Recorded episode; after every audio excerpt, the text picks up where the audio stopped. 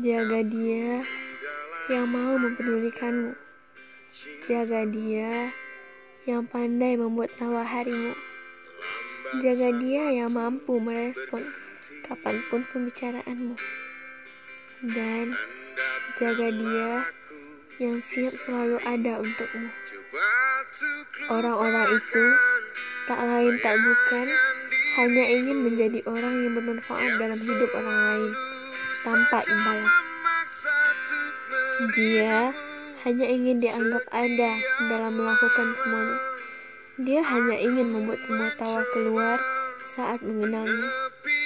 Dia hanya ingin orang lain ceria bersamanya. Lantas, hati dan kehidupannya sendiri bagaimana?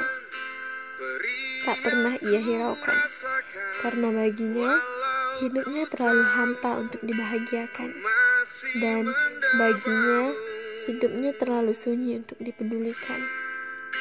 Sebab itulah dia memilih membuat orang lain tidak sama dengan hidupnya.